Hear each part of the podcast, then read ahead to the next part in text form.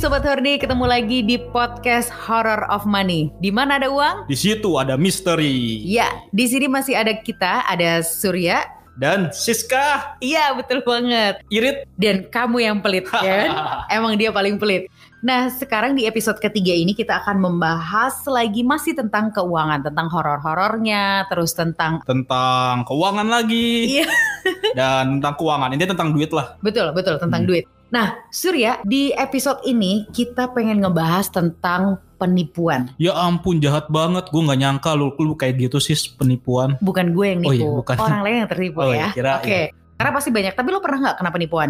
Gue kalau kena korban nggak, cuman hampir pernah. Hampir jadi korban apa hampir nipu? Hampir jadi korban. Kayak gimana? Kayak gimana? Itu gue pernah dapet telepon dari orang yang ngaku-ngaku uh, berasal dari salah satu aplikasi ojol. Jadi tuh dia ceri dia dia bilang gue dapat hadiah berapa puluh juta dalam bentuk uang tunai.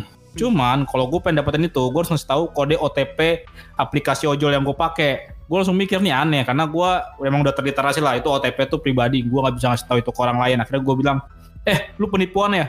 Terus si orang ini langsung, ih lu, gue gue dimaki-maki langsung gitu. Gak bener begitulah. itu, itu gak bener tuh kayak Iya. gitu. Nah, kalau misal penipuan itu kan berarti kadang-kadang kita nggak sadar ya kalau ketipu. Iya, kalau sadar sih nggak ketipu. Nggak ketipu kan? Iya. Nah, sebenarnya penipuan-penipuan ini banyak banget yang terjadi kayak misalnya teman gue pernah itu ketipu dia minta dikirimin pulsa. Dia Nah. jualan pulsa, diminta dikirim pulsa nih. Dia di push terus di telepon terus sampai dia eh, nggak tahu secara nggak langsung dia langsung ngirim pulsa kayak gitu dan akhirnya dia sampai eh, ketipu misalnya waktu itu sih ada yang 400 ribu ada yang sampai jutaan rupiah. Nah, suruh ngomong-ngomong soal penipuan nih, Iya. ada satu email yang udah masuk ke akun untuk mimin at businessmuda.id. Hah, mimin bisnis muda ketipu? Kagak, Oh, ini kirim email. Oh, iya. Susah ya ngejelasin sama orang pelit.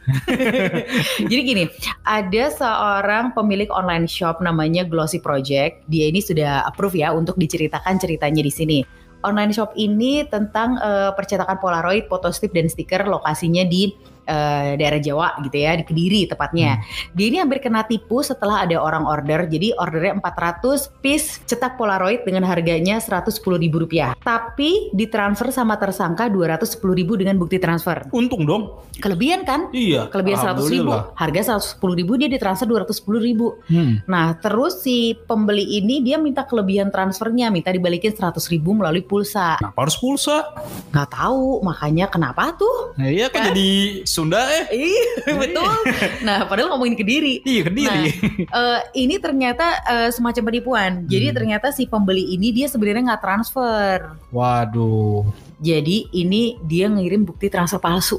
Berarti ini sebuah kriminal nggak sih? Kriminal dong. Sekarang Hmm. gini, misalnya gue bilang, suruh gue ada transfer sama lu. Kadang Hmm. lu minta bukti transfer dong. Hmm. Kalau misalnya, walaupun lu misalnya bisa ngecek m banking, tapi tuh lu tetap butuh kan buat Hmm. konfirmasi. Tapi nih orang ngirim bukti transfer, tapi itu nggak benar. Jadi dia edit sendiri, Hmm. kayak gitu. Dia ngedit pakai apa ya? Kok gue jadi tertarik ya? Waduh, biar ini ya, biar transfer beres ya. Iya. Jadi ya Sur, Dila ini buka usaha cetak Polaroid sejak tahun 2017. Tadinya dia cuma jualan ke temen-temennya aja. Terus di tahun 2020 dia akhirnya bikin akun Instagram dan jualan pakai IG. Terus akhirnya dia masuk tuh ada orderan 400 piece. Seneng dong dapat orderan 400 kan? Terus dia nanya eh, dia mau pakai Shopee atau e-commerce lain. Terus katanya si pemesan ini dia bilang pakai biasa aja nggak usah pakai e-commerce gitu. Hmm. Jadi kayak transfer langsung aja kayak gitu. Terus akhirnya dikasih tuh format orderan kayak di online shop itu. Hmm. Kayak misalnya nama, alamat kayak gitu. Terus tuh diisi nggak sih sama dia format yang bener diisinya? Mm-mm. Siapa sih si, si orang ini? Dia isi bener-bener nggak tuh? Diisi namanya Suci Amelia, tinggalnya di Klojen, Kota Malang, kode posnya 65144. Lengkap banget ya gue ya. Ada yang janggal sih. Dia ngisinya secara lengkap. Terus si Dila ini minta si pembeli ini transfer uang. Totalnya sebenarnya tuh 110 ribu terdiri dari harga fotonya 100, ongkirnya 10 ribu. Ditransfer uangnya ke Dila. Pembeli mengirim bukti transfernya ke Dila, tapi kirimnya tuh ternyata 210 ribu kayak yang tadi gue bilang. Iya. 210 berarti kelebihan. Enak kan? dong. Kaya Iya, dong. kelebihan lumayan 100 kali berapa Iya. gitu kan kaya Ah. kan. Nah, terus si pembelinya itu sosokan kaget gitu. Kaget karena kelebihan katanya. Apa?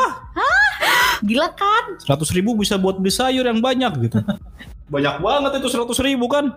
Bisa buat makan setengah mewah-mewah berdua. Bisa buat beli daging sekilo kurang tapi masih kurang sih kurang 20 ribu. 120 ribu sekilo kan dagingnya. Apal ya? Terus kayaknya ada yang janggal deh kalau gue lihat eh, dari bukti transfernya. Anehnya nih fontnya si Dila yang dikirimin transfer sama si Suci yang transfer beda. Ya kan ketahuan banget kan ya kalau Mm-mm. ada yang diedit. Nah di sini si Dila sih katanya curiga nih. Kok size fontnya beda? Udah gitu transfernya lebih banget lagi 100 ribu. Sengaja banget kayaknya.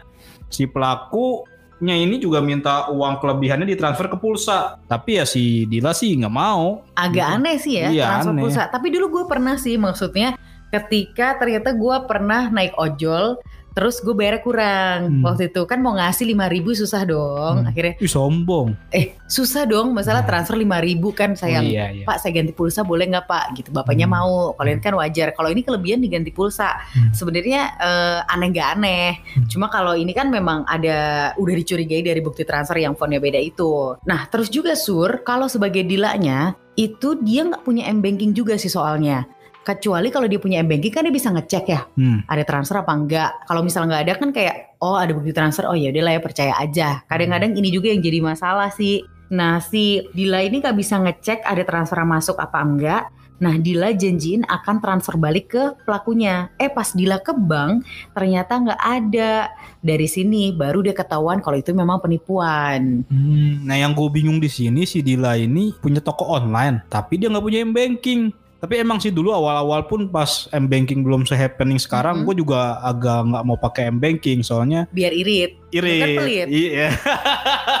Mungkin si Dila kayak gitu juga kali ya mikirnya ya, makanya dia nggak mau pakai m banking. Bisa jadi, Tapi kalau menurut lu sih m banking tuh penting nggak sih untuk eh, menopang hidup kita saat ini di tengah digital digitalan gini? Kalau sekarang sih menurut gue penting ya satu eh, semuanya itu connected kan, semuanya eh, berhubungan. Untuk ngecek juga mutasi, misalnya mutasi rekening kalau misal ada transfer kayak misal kayak gini kan sekarang kita belanja apa apa sukanya online. Kan kita bisa ngecek juga bisa transfer lebih cepat, terus kita juga bisa me- apa kan kalau sekarang ada juga aplikasi m banking yang bisa untuk mengetahui pengeluaran kita selama satu bulan berapa, jadi dia ada statistiknya gitu, Hmm. kayak gitu sih.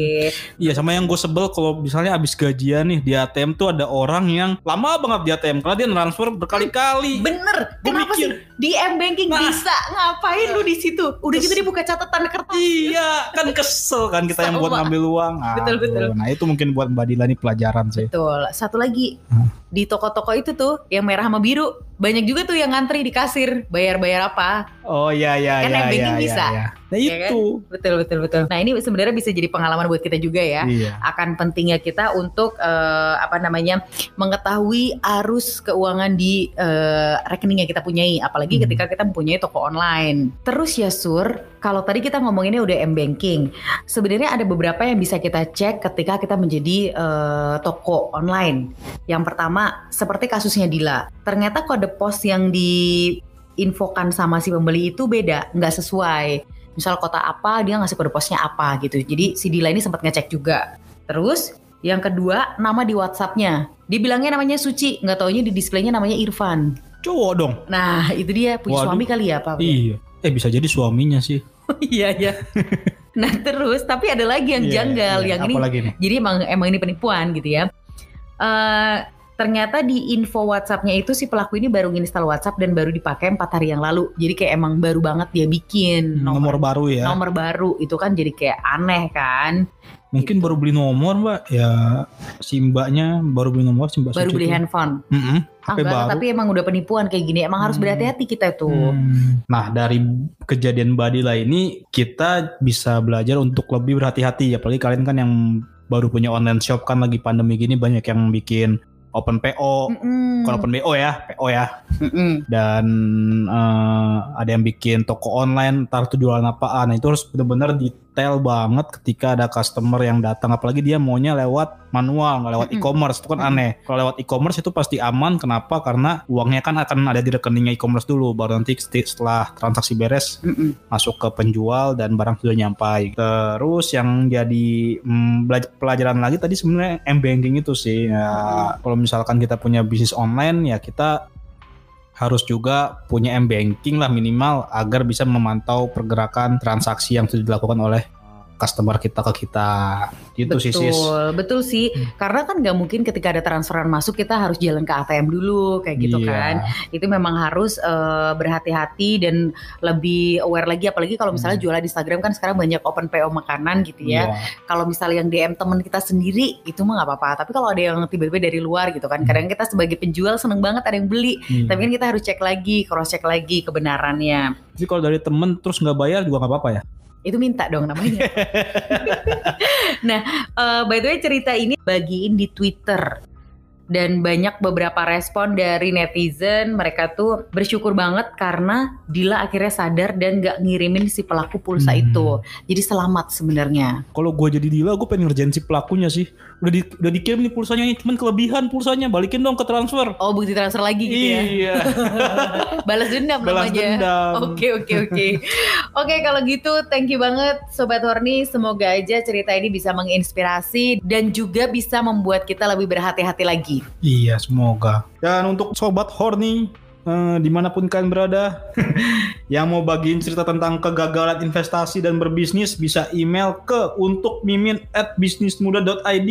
Nanti cerita yang dikirim akan kita undang buat ngisi podcast bareng kita. Mau ketemu kan sama Surya dan Siska, Siska?